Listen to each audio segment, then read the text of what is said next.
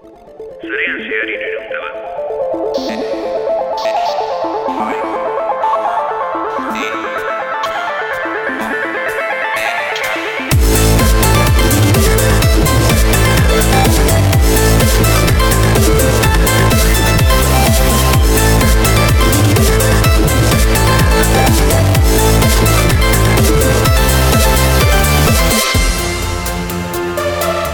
Irungar, irurungarren edizioa pasa zaigu eh, edizio soberezia izan zela azken ustaian egin genuena eta eh, oporrak eta ondoren irureunta batera heldu gara. Denboraldi berri batera eta gainera eh, hasiera hau baita berezia izango dena. Edizio honen eta hurrengoaren artean eh, amar urte betetzen ditugu, amar urte uinetan konkretuki Euskadi Digitalen hasi ginen e, irratian eta beste batzuetan e, ere gure sare, gure sare sozialetan gogoratu dugu nola izan zen irureun garren saio hori ospakizunaren saioa izan zena eta hemendik aurrera edizio honetatik aurrera, baina edizio nahiko lasetxoagoak izango dira berri teknologikoekin eta gure betiko kontuekin.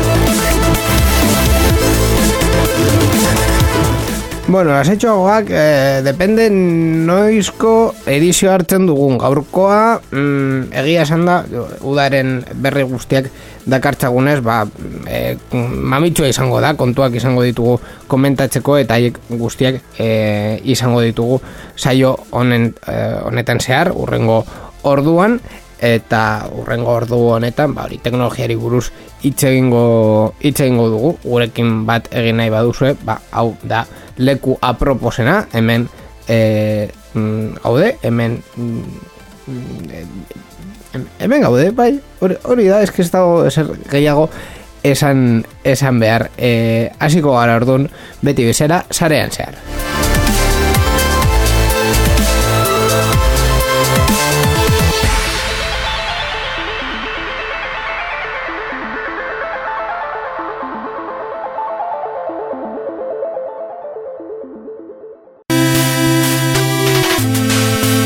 Sarean zearen parte hartu nahi duzu? gure berriak iruzkin du Ekitaldi bat kontatu? gure hankasartzeak kritikatu Erantzuna positiboa bada, bidali ezazu email bat. info abildua sareanzehar.eus Gure WhatsAppa 6 sortzi sortzi 6 sortzi 00 sortzi bederatzi da. Telegram ere daukagu, 6 sortzi sortzi, 6 sortzi 00 sortzi bederatzi. Gure Twitter eta Facebookeko profiletan idatzi dezakezu ere. Eta ez ahaztu gure asteko agenda. Informazio guztia sareanzehar.eus webgunean. Zuen mezuak itxaroten ari ditugu. Ah, bai? Bai.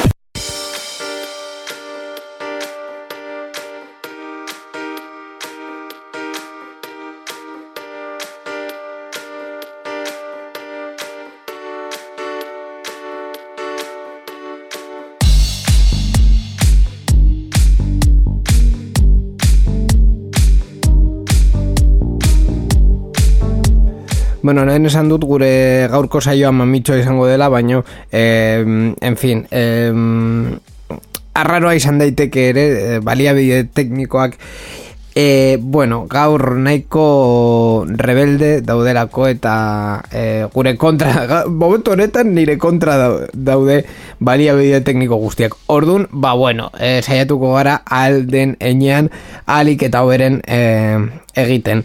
Eta, bueno, eh, saiatuko dugu eta pluralean hitz egiten dut beti, ba, saio hau ez delako eser nire lagun eta adiskide eta laguntzaile eta hainbat eta hainbat aditz jarri alditut Borja Arbosa definitzeko, baina bera da, bakarra da, gure eh, berrien atalaren arduraduna eta eh, eh, eh, mm, eh, no esaten da?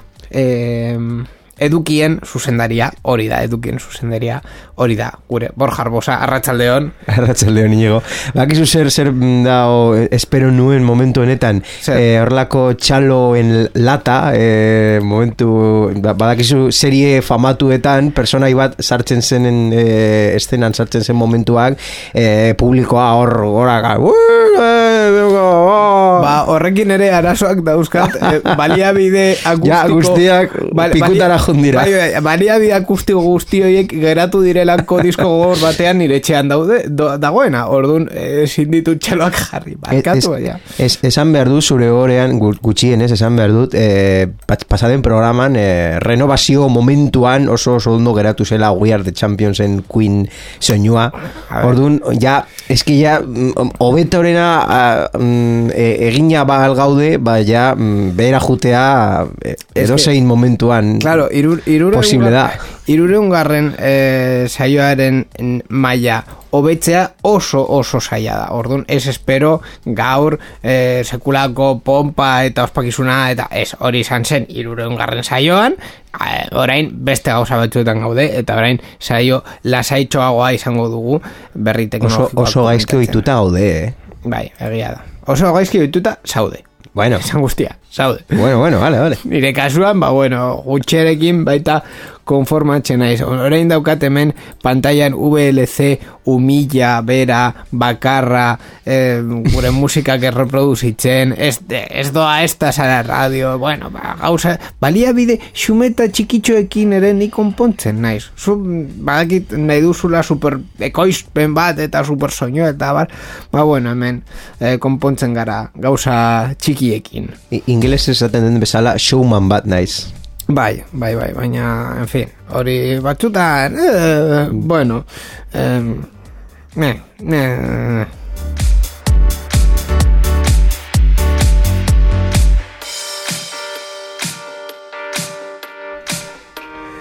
Bueno, dena den berri teknologikoetara joango gara hori dela importantea momentu honetan, gainera eh, asko izan ditugu eh, udan zehar, mm, batzuk mm, labur komentatzeko dira adibidez apeleko aur, azken aurkezpena, eh, egia esan da ez, ez zuelako gehiago, bueno, gehiagorako, eh, ez, eh, ez que zuen eser izan. Egia da Apple aurten eh, arraro egin duela bere bere aurkezpenak ustaiaren aparte online izan zela eta bar e, suposatzen da e, urtearen azken hiru hilabetean egiten dutela. Bat iPhone berriak aurkezteko eta udako kanpaina aurreratzeko mm, kasu honetan bi egin dituzte.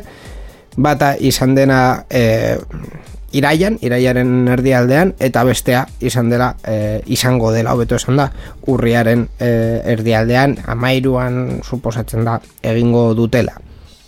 Baina egia esan da e, ba, lehenengo aurkezpen horretan ez zuten gauza handirik aurkeztu bai, erlojuak eta tabletak baina bueno. En fin, e, bigarren mailako produktuak aperentzat mamitxu eta e, gauza potentea eta kontundentea etorriko da e, urrian, urriaren erdialde horretan. Eta beste kontuetaz, ba, bueno, e, gauzatxoak izan ditugu, adibidez, e, radar COVID, azkenik bere kodea askatu duela. Mhm. Bai, radar COVID, gogoratzen baduzu pandemia maila nazionalean kontrolatzeko gobernuak abian jarri zuen kontaktuen miaketa aplikazioa, ba, pizkanaka edatzen, junda, e, azken e, hilabetetan, eta orain, albistea da bere iturburu kodea, iturburu kodera sa- on- ondo esan dago, euskaraz e, kodigo fuente, Bai, esango nuke baietz, e, Ba- kodea edo itur kodea, bai.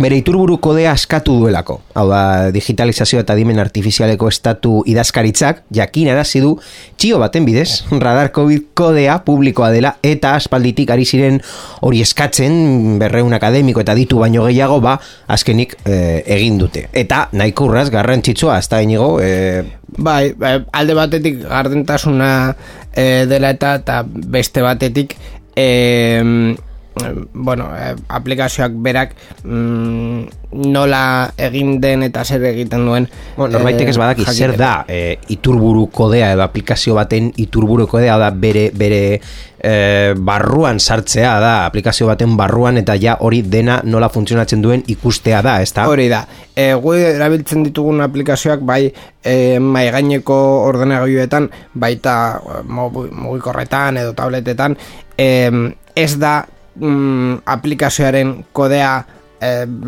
e, or, dispositibo horretan jarrita eta ezta e, aplikazio hoiek e, egokitu edo adaptatu behar dira e, sistema bakoitzerako. Orduan adaptazio horretan deitzen dena e, deitzen da, hau e, kompilar, kompilat, kompilatzeakoan aplikazioak kompilatzeakoan e, kode hori, turburo kode hori e, makina kodean e, eralde, e, bueno, transformatzen dira, itzultzen dira, eta horrekin ja aplikazioak e, funtziona dezake mm, edozein, bueno, kasu honetan, e, sistema operatibo horren e, horren gainean. Bai. Vale?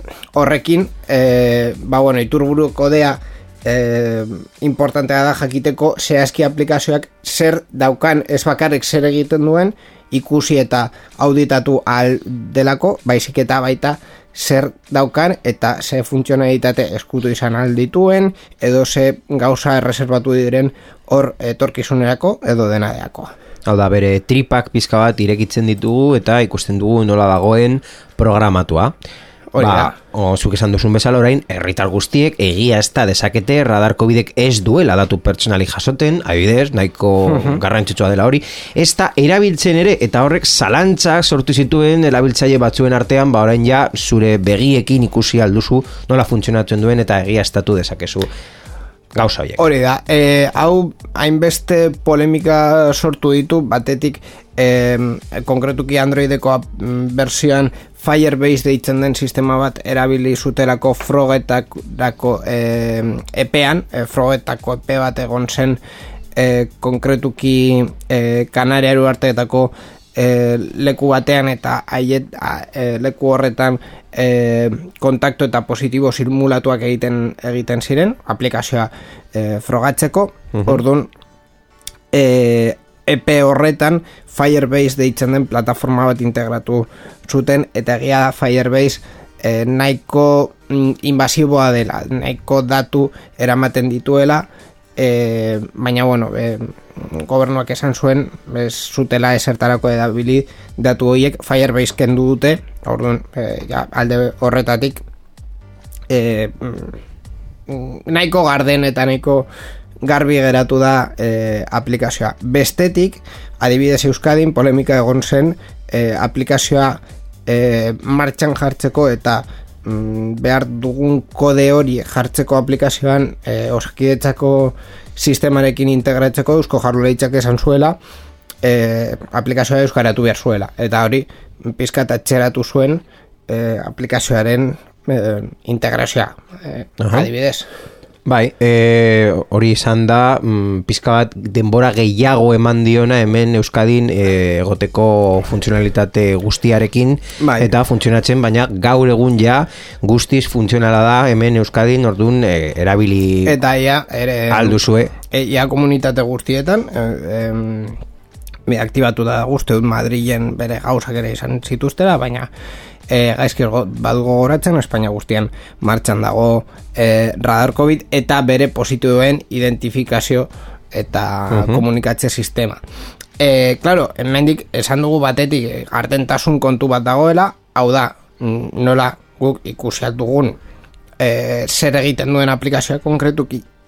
Baina bestetik gogoratu behar dugu aplikazio hau guztiok horren dugula, diru publikoa e, jarri dela aplikazioa egiteko eta diru publiko hori e, batzuk ni pertsonalki pentsatzen dut e, diru publiko horren emaitza baita ere publikoa izan behar dela eta hainbat diru e, inbertitu bada hau egiteko ba honen itur burukode hori e, eskuragarri egon behar dela guztiontzako beste aplikazio bat egin nahi badugu edo dena derakoa. Bai, e, komentatu, ez hori bakarri zen eta iturburu kodea askatzerakoan beste gauza bat posible izango da. Edo zen garatzaiek aplikazioaren kodean egon daitezken akatzak jakinarazi ahal izango ditu edota horrekin aplikazioa hobetzeko moduan egongo da komunitaterengan.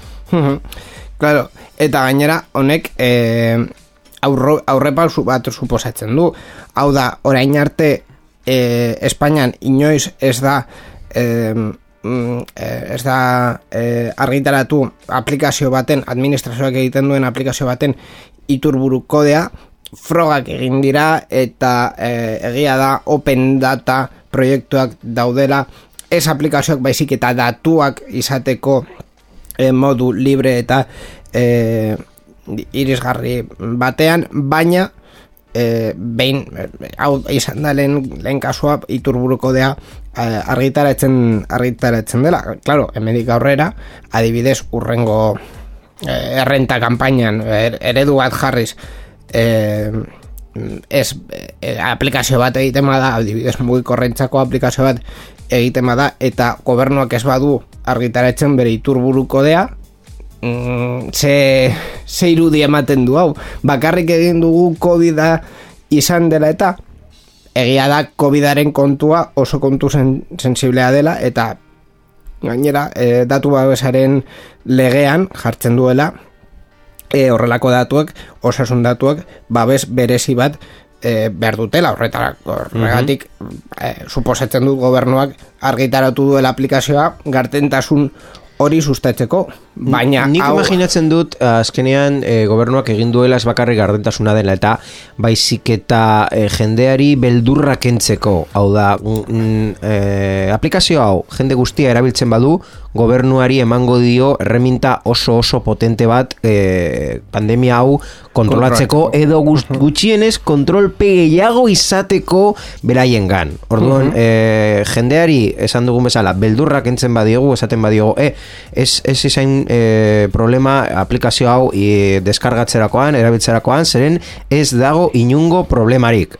Jendeak mm, dudak ez badauka, eta gehiago, gehiago erabiltzen du, ba, noski guztiok irabazten dugu, baina gobernua lehenak, zere, zeren bere, bere responsabilitatea da, orduan eh, hor agian eh, arrazoi bat dago. Errentarekin, nik pentsatzen dut, mm, zailago izango da, imaginatzen dut, eta ez naiz informatiko hemen esateko, baina imaginatzen dut, eh, errentaren aplikazioa mm, zailagoa izango dela mm, hor eh, mm, kodea eh, askatzea, zen eta aplikazioa nahiko komplexuagoa izango da, datu gehiago jasoko ditu eta gainera datuak bidaltzeko da, ez da anonimoa, zuk ez duzu errenta anonimo bidaltzen. E, egia da, baina e, bere, bueno, e, ni mm, zehazki mm, badakizkit nola diren e, lau kasuak, bueno, bos, bos kasuak e, Bizkaia, Gipuzkoa, Nafarroa, Mhm. Araba eta Estatuarena, Bai.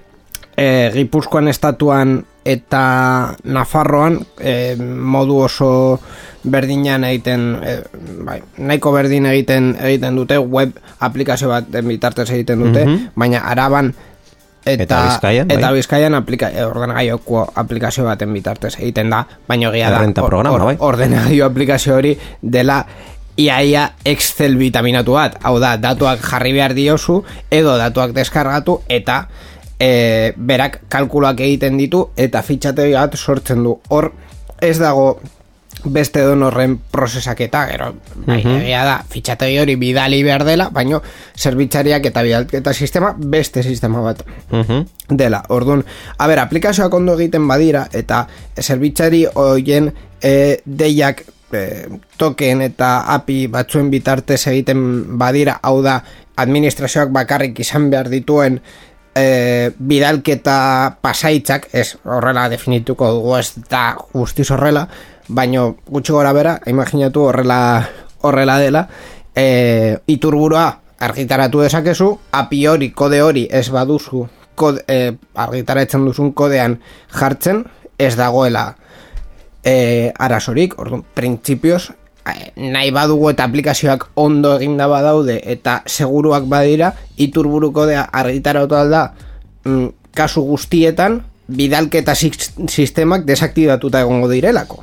Edo ez direlako eh, argitaratuko. Edo web aplikazio bat egiten bada, eh, web aplikazio horren eh, aurreko aldea esan dezakegu, argitaratu dezakegu, e, datu basea ez baduzu argitaratzen, edo ba, datu base horren aksesua ez baduzu argitaratzen, adibidez. Ja, esan dudan bezala ni informatiko ez naiz, orduan ez dut esango erraza edo saia izango den e, iturburuko de hau askatzea, baina e, egia esan da ez dut uste transparentzia e, motatako gesto hauek gehiago ikusiko ditugula gure gobernuan eta etorkizunean ez, ez, ez nago batere ziur. Ez daukazu fede handirik. Ez, ez daukatez. Bueno, Esan behar dut. Ni, ni ez da, esan da, ez, ez dut uste hau errepikatuko denik, hau da, COVID-aren kontua izan, izan dela, eta honetaz aparte, ba, bueno, administrazioak ez duela interes handirik hau argitaratzen, eh, azkenean zertarako. Ze, ze, ze, ze eh, ematen dio, mm, osea, bere haien diskurtsoa edo esango da, zer ematen dio eh, herritar bati hau argitaratuta egotea. Mm, Ni asko, eta ni eh, askoz gehiago konfiatuko nuke eh, administrazioan bere aplikazioak argitaratu, argitaratuko balu, baina, Bai, baina bueno. baina esan dudan bezala, eh, COVID aplikazioa gobernu zu erabiltzea nahi du, baina eh, errenta aplikazioa eh, erabili behar duzu nahi eta ez, orduan zertarako... Bueno, baina, baina aplikazioa erabiltzen baduzu konbentzituta segurua dela E, ba, erabiliko duzu berdin, konbentzituta ala ez konbentzituta zen ez daukazu beste aukerarik. es que, Ez, gobernuari ez dio... eh, Hor- ez, hor- bosta sola? hor marketing erraminta bat dago, baina inork ez du aprobetsatu nahi. E, a, esaten dut eta argi esaten dut. En fin, beste kontu batzuetara pasatuko.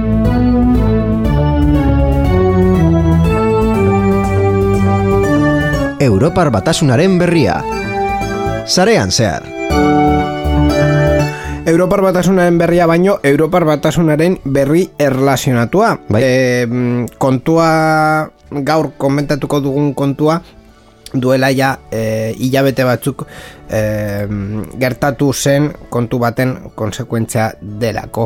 E, lehenik testu ingurua. E, uste dut ustaian izan zera ez dakit e, men kon, kontatu bagenun edo ez, ez dakit denboraldia bukatu e, momentu horretarako edo ez, baino e, Europar batasunak, konkretuki Europar batasunaren e, e, Epaitegi gorena? Epa, epaitegi gorena, hori da, esan zuen e, Europar batasunaren eta estatu batuen arteko datu transferentzia akordioa ez zela legala, ez zela e, sartzen Europar batasunaren legislazioan, orduan ezin zela e, idatzita zegoen bezala mm, martxan jarri.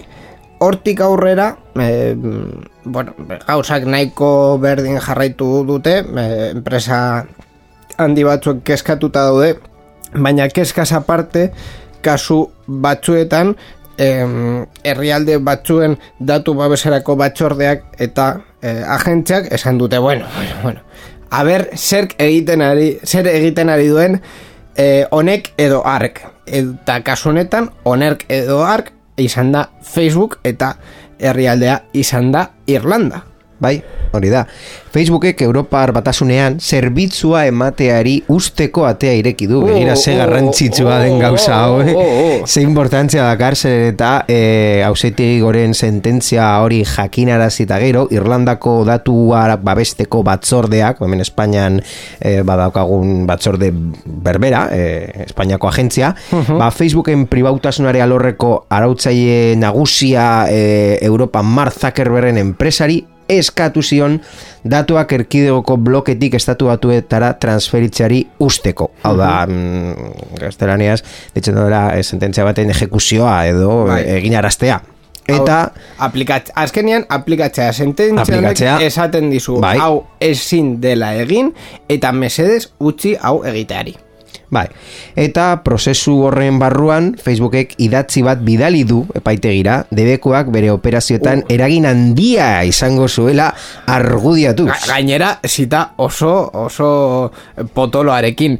Facebookek alatxe dio. Facebookek estatu batuetarako erabiltzaileen datuak erabat etenda baleude, DPC-ren proposamena bezala ez dago argi Facebookek egoera horretan nola jarrai dezakeen Facebookek eta Instagramen zerbitzuan ematen Europar batasunean. Hau da, beste hitzetan esaten du, bueno, kolega, e, zuek ez badiguzue usten hau egiten, gu pin pam pum eta bagoaz. Hau, Bai. hau, hau esan da, e, komunikadu guztietan Facebook esaten du Europar batasuna e, tik kanpo jango dela, ez bada bere eskaera argitzen eta bla, bla, bla, bla. E, esan behar dugu DPC, ez, ez dugula komentatu, Irlandako datuen babesterako batzordea dela. Hori da. Hau da, proposamen egin duena da Irlandako datua babesterako batzordea. Data Protection Council, yes. I think. Oso, oso ondo, bai. Eta, eh, esan duzun bezala, Facebookek azaldu du, ba, hori, eh, arau horiek jarraitu behar baditu, eh, Ezin duela zerbitzua eman ez ta, Europar batasunean. Hori da. Dena den, dena den gero eh, eh, komunikatu batean esan zuten, bueno, eske, a ber, gaizki ulertu duzue, ez dugu esan nahi konpainia eh, Europatik kanpo joango dela, baizik eta, bueno, eh, Bueno. arrazoiak eman nahi ditugu hau ez eh, egiteko. Esaten dutena da. Facebook eta beste enpresa asko Europa eta Estatu Batuen arteko dauden transferentziak mende daudela. Hau da mm, mendetasuna hor e, gauza nagusia izango dela beraientzako bere zerbitzuak mantentzeko. Eta mm, beraien ustez hori ezin badute egin, ba ez dute ze, errenta, errentagarritasuna lortuko? Bai, zergatik ez dute errentagarritasuna lortuko, besteak beste Facebookek eh, datu asko jasotzen dituelako Bai. eta eh, negozio asko egiten dutelako. Bai. Eh, datu hoiekin eh, besteak beste Whatsappekin eh, izaten ditugun elkarrizketak, eh, gure lokalizazio datuak, bizitatzen ditugun webguneak e, baita gure ordenagailuan ere e, Facebookeko kukiak hor e, jarrita badaude. Osea, Facebook e, benetan tracking oso handia eta oso sakon egiten du erabiltzailearen e, aktivitatearen e, mm, a- a- arlo horretan, orduan, claro, haiek esaten dute, hau guztia ez, ezin badut jaso, zerekin egiten dut negozioa. Farmbilekin, ez Farmbil itxi dugulako. Orduan, e- eta gainera... Beste, beste berri garrantzitsu bat, Claro, farmil bai. itxi dute. Berri erreala da, Farmville izteko prozesuan dago, orain mugikorreko aplikazio Bai, bai. batean dago bakarrik. Dena den, Claro, gu pentsatzen dugu edo, edo guk ikusten dugu e, Facebookeko negozioa e, bere sare sozialean egon daitekela eta ziurrenik datu hoiek transferitzeko arazoak ez daudela azkenean e, erabiltzaileak bera e, nahi duelako ematen duelako datu hoiek eta kasu hoi, mm, askotan bakarrik argazkiak edo e, publikazioak dira ez daukate garrantzi handirik. Baina baina ai amigo, joaten ba gara Facebookeko webgunera eta esaten badiogu, emaidazu nire datu guztiek. Hor dau, Bueno. bueno, datu sorta ikustekoa, ikustekoa. Begiratu, momentu honetan gogoratzen dut e, Appleen iragarki bat, azkenengo iragarki bat, non bere sekurtasuna eta pribautasuna bandera egiten dute, eta e, beren iragarkian agertzen den jendea, bere datu pertsonalak airera botatzen dute jendea dagoen arlo batean. Hau da, zuk esan zenun bezala gogoratzen dut ba- baita baiet, momentu batean, zuk sare sozialetan ez zenuen esango, plaza publiko batean, bosgora gaiu batekin, zen, ez zenukeen esango. hau ez da nire eredua, nire iturriak aipatu behar ditut, Bai, bai, hau ez bai. da nire eredua, eredu hau e, komentatu zuen enredando batean Rafa Martínez bere Mhm. lehengo e, aurkezlea, eta horrela da, azkenean, e, Claro, eh, sare sozialetan argitaratzen duguna izan daiteke plaza publikoan esaten eh, esan alduguna, ez? Edo esango genukeena, baina Facebook ez du bakarrik hori egiten. Haien, eske, claro, eh, eh, konparaketa eginez, esaten duzu, bueno, Twitter ze posizio dauka honetan edo ze gatazka izaten ari ditu Europa, Eurota, Europar batasunarekin. Batere ez, Twitter bakarrik jasotzen duelako zu argitaratzen duzuna. Listo, punto, ya está. Ez dute ezer gehiago nahi. Apeli buruz hitz egiten gainera, eh, ez dakit zenbat urte dara matzat ja iPhonearekin, nabaritu dut askotan, e, telefonari hitz egiten, hau da, e, diktado bat egiten, esaten zer it, idatzi behar duen. Sirirekin hitz egiten Ez, zenuela. bai. Ez dut hitz egiten lehenik eta bain Alejandra daukadalako, Ah, bai. eta besterik Siri ez delako Ja, arraro iruditzen zitzaidan. oso inteligente ez da. Siri. Dena den, ni e, hitz egiten diot gauzak idazteko, eta askotan asko kostatzen zaio mm, e, analisi hori egitea, analisia zure telefonoan egiten duelako eta kostatzen zaio e, Denbora. denbora eta e, gauz askotan ez, ez Kontrakoa promozionatu zuen Googleek. Claro, e, Bueno, denbora- Googleek eh, promozionatu zuen bere azkenengo Google Assistak gauzak eh, deskargatutak eh, informazio gehiago deskarga zuzenean izango zenutela eta denbora gutxiagoan eh, emaitzak emango zituela Claro, Google Assistantekin. ko- Kontua da, prozesu hori telefonoan egiten dela denez, ba, ez, ez du zure ahotsa bidaltzen Mhm. zerbitzari batera adimen, Bai, eta adimen artifiziala em, em, Prozesatzeko? prozesatzeko eta gero bueltatzeko. Orduan, horrekin, zure diktatuekin em, iPhonea ez, ez du ezer, em, e- ezer eh, ikasten, Bai. vale? Ez, ez, ez daki zer, zer esan duzun lehen eta ez du ezer ikasten. Orduan, claro, horrekin, hor, hor kontu asko daude eta gainera Apple oso mm, kesutxoa dela eta kexa asko egiten dituela legeak beren alde ez daudenean, mm, ba, honen kontra ere eh, jarri halko zen, baina ez da honen Ez. kontra jarri, esan ez ba, hau ez Ni- da gure negozio. Nire galdera baintxe bertan izango zen ze enpresa o de enpresa modelo uste duzu eh, etorkizun gehiago dagoel, daukala. E, Appleen bezalako e, pribautasuna bandera hartzen dutenak edota Facebook eta Google baita ere esan behar dugu datuak eh, modu oso oso handi batean tratatzen dituztenak emaitzak lortzeko. Mm, biak etorkizuna izango dute, Bai, baina hori biak, biak etorkizuna izango espero nuen Claro, eske, erantzuna. hem- hemen zubi aukera eman dituzu, baina hiru adibide jarri dizkidazu. Apple, Facebook eta Google.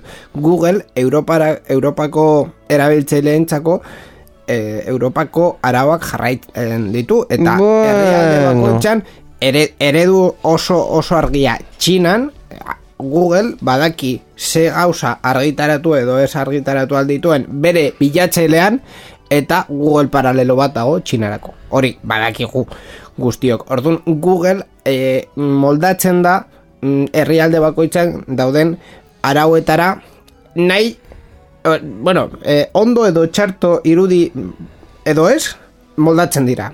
Ba, batzuetan ezen beste, deno gogoratzen dugu Europarekin izan dituzten sententziak eta baita ere Europako komisioekin izan dituzten Baina gatazkak. ere Edo zein izan dezaketela. Ba- batez ere gatazkak izan direla Androideko monopolioarekin baita. Bueno, Dena den, dena den. azteko eskubidea hori eh, Europako reglamentu, datuen babesarako reglamentuan sartu zen. Eh, el derecho al olvido, hau da. Claro, baina hori behin, Eh, gaztu. behin araue, arauan jarrita, haiek betetzen dute. Arauan badago, haiek betetzen dute, eta listo. Orduan, kontua da, Google saiatzen dela nahiko zuzen joatea arauekin eta Facebook beti limitean dagoela.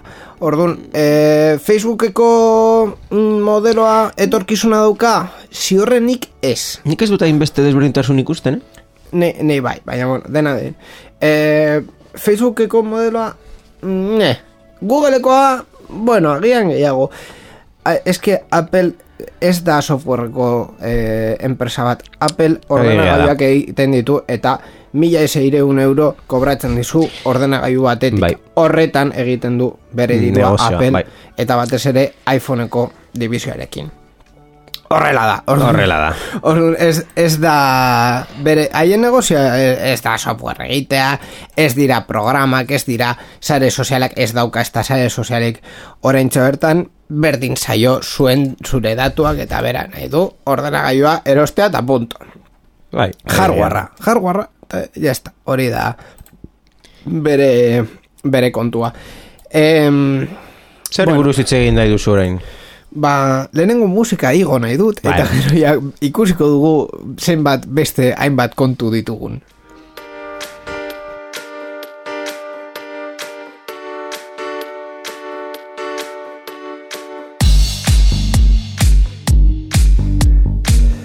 Beste berrietan, bost geari buruz hitz egingo dugu, eta lasai ez dugula koronavirusarekin lotuko bost gea eh, flipau batzuk egiten duten bezala, baizik eta seriotasunez eta mm, kon, bueno, konkretutasunez ez dakit, eh, konkretu, konkretu ez da oso konkretu, baina bueno, proiektuak badaude konkretuki eh, Euskadin, eh, gure herrialdean eh, bost gea martxan jartzeko ez bakarrik kontsumitzaileentzako, baizik eta e, industriako proiektu batzuetarako ere. Bai, 5G Euskadi proiektuari esleitu saio Espainiako gobernuak teknologia berria garatzeko eta esartzeko duen laguntza programa. Euskadiko lehen 5G proiektu piloto bat da eta proiektu honetan amairu bazkidek osatuteko patzuergo batek osatzen du telekomunikazio operadoren, sare ekipamenduen ornitzaien, universitate, ikerketa zentro, erakunde publiko eta enpresa pribatuen ekosistema zabal batean. Haien artean Euskaltel taldea, Masmobil, ZTE, Gestamp, Ikusi, CAF, e, Debus, e, Donostiako autobusen enpresa, Irizar, Zeit eta Bikontek. Begiratu. Ba, baterako ekimen honen bidez, 5G sare bat zabalduko da, Euskadiko hiru parke teknologiko, eh, teknologikoetan, barkatu, la, Bizkaiakoa, Arabakoa, Gipuzkokoa, eta Abadinon. Eta horretarako aurrekontuaren euneko irurogeita bost, eh, irurogeita bosta erabiliko da, hori da. Horrez gain, bederatzi erabilera kasu garatuko dira, inbertsio osoa osatuko dutenak. Zehazki, erabilera kasu horiek produktuen eta zerbitzuen merkataritza aurreko garapenera bideratuta daude. Mugikortasunaren, energiaren, industriaren, zibersegurtasunaren eta zareko zerbitzuen arloetan. Erabiltzaile, erabil, erabilera kasu oso argia adibidez, e, uste bere egunean duela urte asko komentatu genuela, em, e, Irizar eta Debus e, martxan jarri zutela Miramongo Parke Teknologikoan. Em, autobus e, em, no esaten da, independiente ez autonomo, autobus autonomo bat jarri zuten martxan. Bai. bueno, autonomo, autonomo pizkat lerrotxoekin tranbia bat bezala hasi joan baino ez hainbeste. Eh, Baina, bueno, hor eh, proiektu piloto bat dago 5G teknologia honek eh, eman eh, bueno, eh, berritu alduen eh, proiektua eh, autobus hori konektibitate hobeagoa izateko edo cloud computingaren eh, abantaiak aprobetsatzeko adibidez hori da, erabil, erabilera kasu oso oso eh, argia. Ez, eh, momentu honetan eh, suposatzen dut bai Euskaltel Orange eta eta mas mobiles dutela pentsatzen eh, bezero finalean, zezkenen bezero finala laugearekin kasu askotan nahiko dauka, Bai. baino eh, kasu hauek, industria kasu hauek eh, egia da, ba, aukera mm, sakonagoa edo mabitxoagoa eman aldiotela proiektu hauei.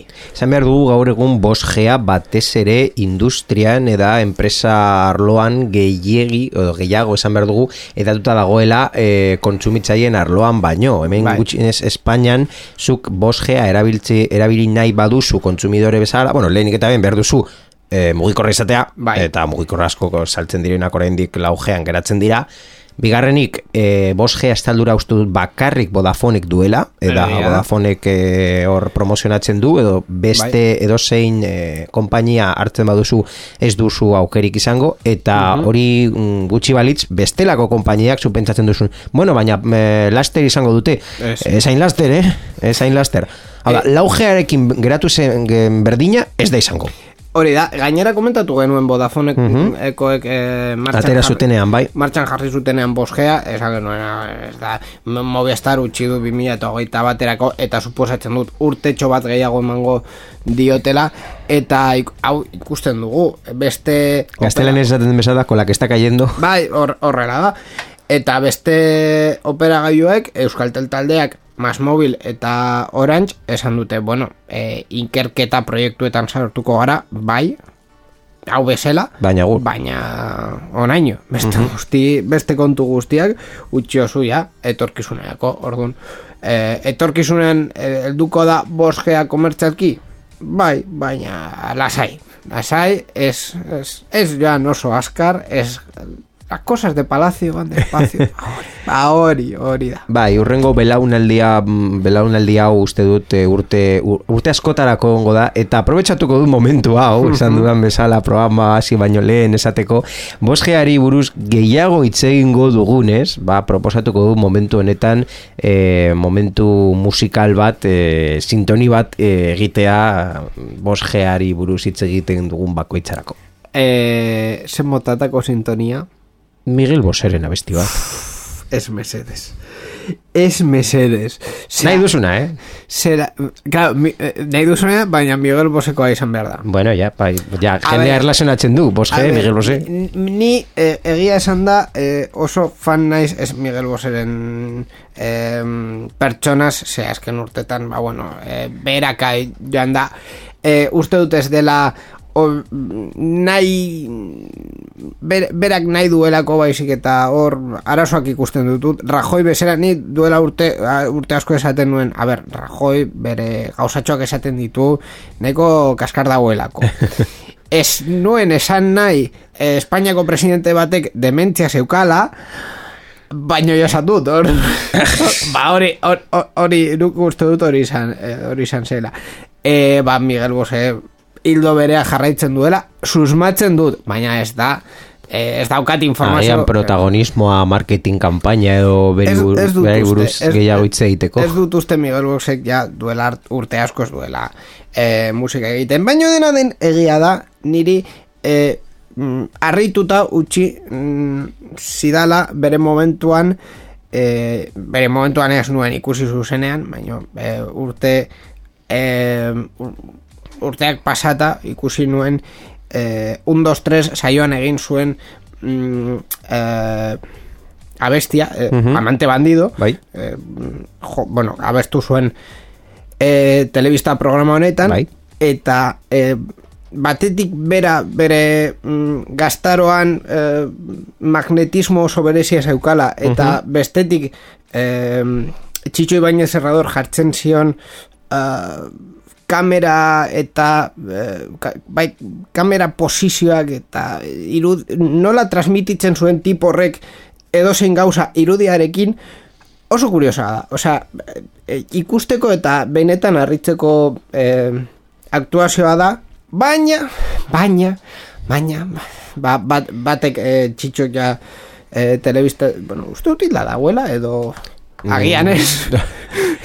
uste dut baiet, uste dut ja ni, zendu ni, zela. ni bai gogoratzen dut, baina ez, naiz, ez dago eunekoan ziur. uste dut eh, ja esan duzela eta Miguel Bosa esken urtetan ba bueno, bere figura publikoa eh, asko kaltetu dela orduan, Hala ere, esaztu ere, Amerikako estatu batuetan Trump baita ere bere gatazka hartu zuelako Huaweirekin, uste dut, besteak beste, baina bosgearen garapena zela eta eta gatazka hori baita ere bere ostikadak ematen du mm, behintzat momentu batzuetan eta azkeren hilabetetan baita ere. Bai, e, aldi berean, adibidez hemen daukagun em, enpresa ZTE, bueno, Z- ZTE duela ja urte asko bat egin zuela Euskaltelekin Bai, baliabide teknikoak genuen. em, izateko eta ZTE e, txinako enpresa bat da. Mhm, bai. Orduan, eh, ez dago bakarrik egia da beste beste enpresak daudela e, bosgearen em, garapen honetan, alkatel duzen adibidez, alem, uste dut Alemaniakoak direla, edo herbeiratakoak ez dakit.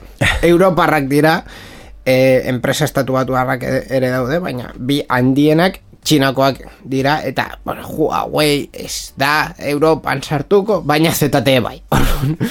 Begira, batetik bestera ze diferentzia dagoen.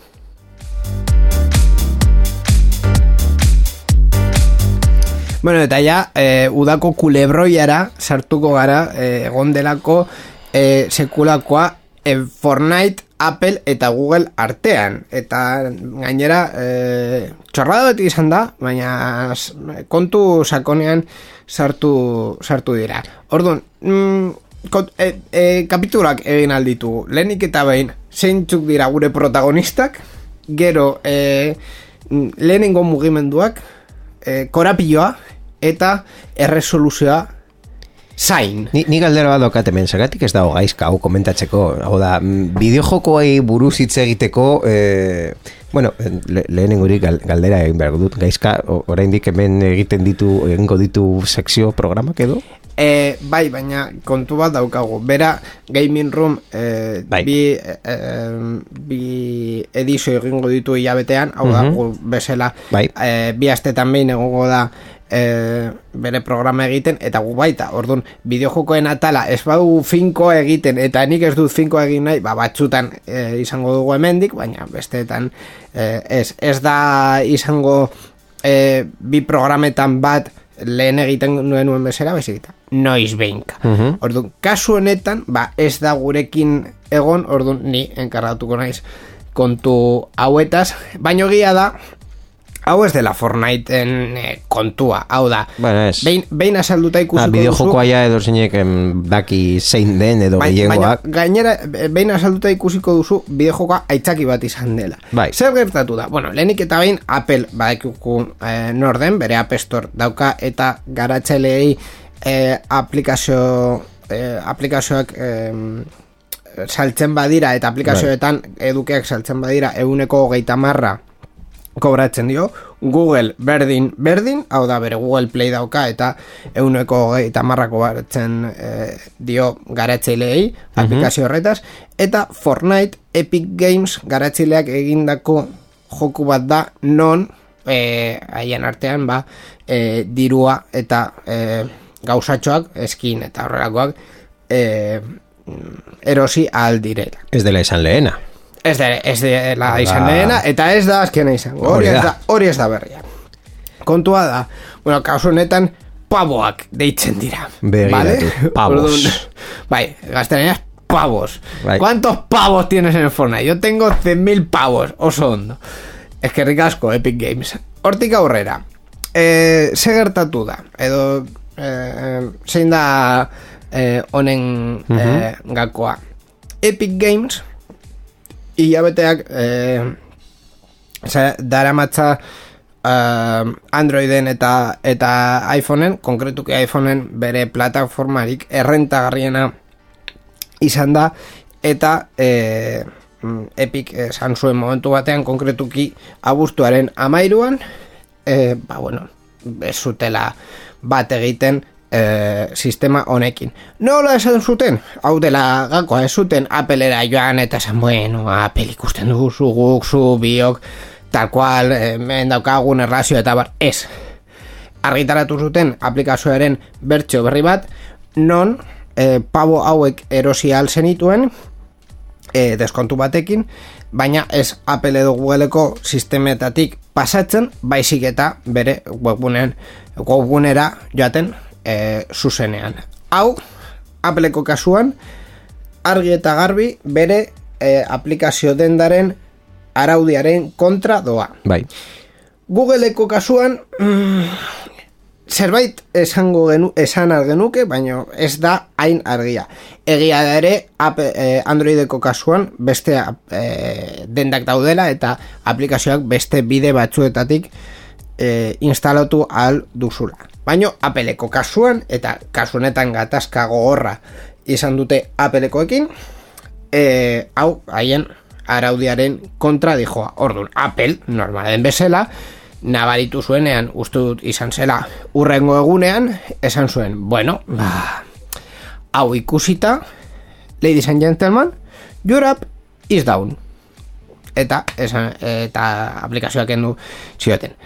Egun berean, batetik, eh, Epic Games eh, salatu zuen Google eta Apple biak eh, eh, epaitegietan, vale? demanda bat jarri, jarri zuten, Bai. eta bestetik kanpaina bat hasi zuten e, deitzen zela Free Fortnite eta haien artean mila bederatxireun talaro lau pelikulan oinarritutako e, publizitatean oinarritutako bideo bat egin zuten Bai. Apple e, seinalatzen eta zaten hauek dira zuen e, etxaiak zu, Bai. e, zuen kontra doazten enpresak ez gara gu Fortnite e, Epic Games onak garela ez dugu esango bere Epic Games Store zer egit, Storen zer egiten duten, baina Epic Games, Fortnite, guonak gara, Apple da, zure e, txaia, eta Apple da, gaizke, gauzak gaizke egiten e, duena. Hau, e, kasu batzutan esan, zut, esan dute edo eskusatu dute e, Epic Games esaten bueno bai eske sekiten bai ba sekiten bideoa prestatuta zeukaten. Demanda prestatuta zeukaten. Uste dut demanda irurogeita piko horri zi- zituela. Osea horrelako demanda bat ez duzu gau batean prestatzen Bueno, Borja, bai. Borja, eh, Borja egia esan da, bai. Eta bazkelao abogadozen mm, zerbait nahi baduzue, gau batean eh, dena delako egiten dizute, baina, baina, baina. Vale. Zergatik ez? Baina- De, de, depende zenbat idazten duzun zu, zeren demandaren zati askok legea da. Hau da, zuk legea ez duzu inventatzen. Mm, Claro, baina- kopiatu, eta Baina, jarri. baina kasu hori erdi prestatuta izan behar duzu Bueno, vale, bai. legea bilatuta esan ezer gertatu den Zure eta bai. estrategia epaitegietan ez duzu egun batean egiten, eta egiten baduzu oso talde abokatu importante izan behar duzu hor eh, gauza guztia investigatzeko. Ba, eh, azken finean, eh, hau horrela geratua, Apple esan du, bueno, eh, eh, gure araudien kontra, joan, eh, zaretenez, mm, aplikazio kenduko dizuet, eta ez baduzue bertxio berri bat igotzen, mm, eh, garatzailea kontua kenduko dizuet. Eta hori egin dute, Fortnite, eh, Epic Games eskatu zuen eh, epaitegiera hori ez egitea, mm hori, claro, eh, perjuizio ekonomikoa eta bar, eta bar, eta bar, perjuizio ekonomikoa badagoela, baina bueno, eh, epaitegiak esan zuen ez ez Apple ondo egiten ari zuela, momentuz egiten, eh, orain egiten ari zutena, eta gero ja fondoan, eh, gaiaren zetasunetan sartuko zirela gero. Eta eh, a, Googleko kasuan, ba, Androiden APK eh, artxiboa zuzenean instalatu daiteken eta Amazon App Store edo beste guztietan eh, instalatu daiteken e- Epic eh, Fortnite, ba ez dute ezer eh, gehiago egin, baina bueno, baita ere salatu dute eh, Google. Apple egia da erantzun duela komunikatu batzuen bitartez, Google ez du ezer egin, isilik geratu da eta esan du. Esan nahi duzuna, Esan nahi duzuna.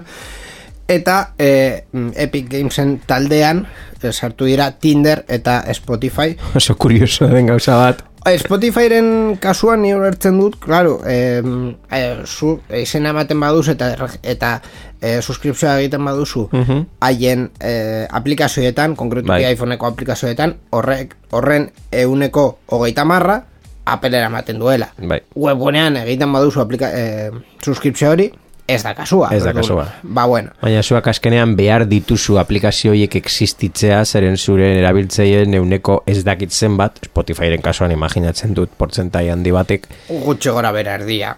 ba, ba, portzentai handi batek mm, behar duzula hor aplikazio bat izatea. Hori alde batetik, beste batetik, Apple e, lan asko egiten egiten du. Ba, batzuetan ez oso zehatza, baina bueno, lan asko egiten du bere aplikazio dendetan eta azpiegitura hori ere mantentzen du. Orduan, hori bai. baita ere aipatzekoa da. Hori, deitu dezakezu praktika monopolistiko bat, zuk azkenean zu aplikazio Ez, a bat... ez, ai- monopolistikoa ez. Zu eh, Appleko eh, dispositibo bat erosten duzu eta badakizu bakarrik instalatu alduzula eh, aplikazio hori bere den den bere dendaren bitartez. Bai, Orduan, Googleen kasua ez da berdina, zain Androiden zua instalatu aldezakezu App Storen ez hori- dauden Claro, hori ez, Playen hori ez baduzu nahi, beste, beste plataforma batzuk dauzkazu eta beste mugikor batzuk erosi dituzu. Baina Bai. Appleko eh, eh, gaiuak bere eh, arauak edo bere ekosistema daukate. Bai. Eh, hori mm, em, aldatu daitekela? Bai, baina bueno, Amazon, adibidez, honekin ez egoen ados, euneko geita amarrarekin ez egoen ados, eta Apple'i atek joka joan zitzaion, esan ez, bueno, Apple, hemen akordio bat egin aldugu, e, ikusten du, zua Amazon zu biok, azpiegiturak, e, zerbitzariak, ez dakiz zer, eta bakin hor, eta e, Apple esan zion, bueno, euneko amabosta, zeren dinozu? Vale, bueno, bai, venga, ados, tximpun, eta Bai, bakoitza bere etxera. Izan daiteke gogoratu dezakegu e, Appleen kasuan adibidez ez dela lehenengo jasaten dute lehenengo demanda kolektibo bat kasu bat izan zen gu gogoratzen duguna e, Wesley versus Apple non e, kontsumitzaileek salatu zuten modu masibo batean zeren Appleek ez zuten usten bateriak e, aldatzea iPodetan. Eta azkenean akordio bat lortu zuen Appleek e, hori demanda hori saiesteko Claro, azkenean Apple, a ber, kontsumitzaileen Eta hor, arrazoiak izan, ze- izan ziren berdinak, hau da, ez erosi. Claro, a- a- Apple kontsumitzaileengan agian eh, praktika nahiko eh, arraroak izan daiteke kasu batzutan, baina enpresen arteko kontua da eta hau kasu Eta dela. enpresak dira, ba- baita ere, bezeroak, zeren bere zure zerbitzuak kontratatzen dituzte. Claro, ordun, haien arteko kontua bada ez bada kontsumitzaileengan, eh, logikoena kasu honetan hainbat eta hainbat garatzele egiten duten bezala, da Appleekin negoziatzea zuzenean. Eta Fortnite eta Epic Games ez badu hau egin, izan da publizitatea, publizi, doako publizitatea nahi zutelako. Ondo mm, zertatu zaie, ba, eh, denborak esango du, baina ez dauka oso pinta ona badirudi, e, bueno, e, publizitate hori nahiko arraro irten zaiera. Ba, onaino berrien birpasoa, ez? Beste gauzatxoren bat uste dut badaukagula, baino ez daukaguna denbora da. denbora gurtu zaigu, orduan. E, onaino, sin- sintoni- Agurtu. Agurtu. Agurtu. Denbora agortu eta agurtu zaigu, orduan gu agurtzera goaz eh, denbora Titulolari gabe? Ai, titul, ai titulola, titulola. Oh. Ti, eh, titulola eskarra bi minututan egin Bai, duzu bai. titulola. Venga, guazen. Titulol. Bueno, titulonen, eh, ba, dakizue, Borjak esaten duela, gauza bat, ni harritzen hauela, bla, bla, bla, titulol.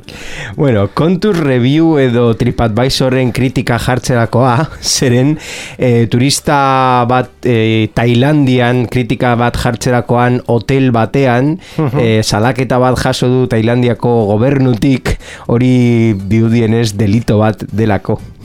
E, TripAdvisoren iritzi bat ustea. Bai, TripAdvisoren iritzi bat ustea hoteli bati buruz, e, hotel hori salatu zuen e, bezeroari difamazion, e, deitzen dugun delitoa bezalakoa, Vale. Gauza txarrak eta ez oso eh, esango genuke berikoak esaten ari zuela. Bai. Bai. Bueno, edo, edo ez, edo bueno, eh, berak eh, reseña jarri, jarri zuenean, eta ba, hotel horrek eh, irakurri zuenean, esan, esan zuten, hau ez da, hau da kritika faltsu bat, hau mm, guri Ba, ez bada, e, claro, egiteko aitzakiarekin jarri da, eta eta bor, salaketa agertu zen. Honi buruz sakon hitz egin ahalko genuke, baina hau ez da e, eguna batetik eta bestetik e, honi buruz askoz gehiago badaki e, gainera gubion lagun batek orduan e, egunen batean gonbidatu behar dugu pertsonarri esatera. Bueno, TripAdvisor zer sagetatzen da movida honekin. Baina bueno, egia da e, reseña nahiko txarrak jartzen direla kasu askotan min egiteko. Eta Bai, bai. negozioa ba, bueno, ondo ez joateko. Eh, onaino titulol borja ez daukagu gehiago eta onaino zarean zehar. Horrela, horrela delako irratiaren kontua Irratsaio hau Creative Commons aitortu ez komertziala partekatu berdin lau nazioarteko lizentziarekin banatzen da. Horrek esan nahi du gure edukiak nahi beste partekatu ditzazkezula. Informazio gehiago nahi baduzu josarean zehar puntu eus webgunera.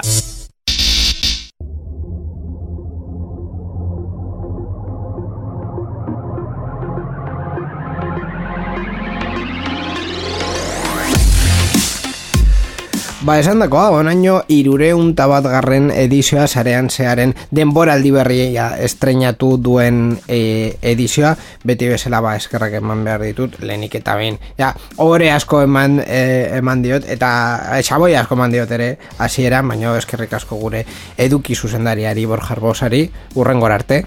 Eskerrik asko inigo eta entzule guztioi ba urrengor arte. Berrikuspen teknikoan Mikel Carmona egon da, eta baita ere irratietan dauden ekoizpen eta teknikari taldeei maite zaituztegu badakizue eta espero dugu e, urte honetan ere zuen laguntza eta e, lanarekin kontatzea. Eta baita ere mm, zuentzat e, eskerra gure entzuleentzat e, posible egiten duzuelako e, programa hau e, bi, bi astetan behin. Eta bi astetan behin izango da urrengoa e, ama bost egunetan bueltan egongo gara. Zuen podcastetan eta irratietan e, zarean zer gehiagorekin eta teknologia gehiagorekin. E, momentu hori heltzen den arte ba, e, geratzen segun guztia eskerrik asko eta agur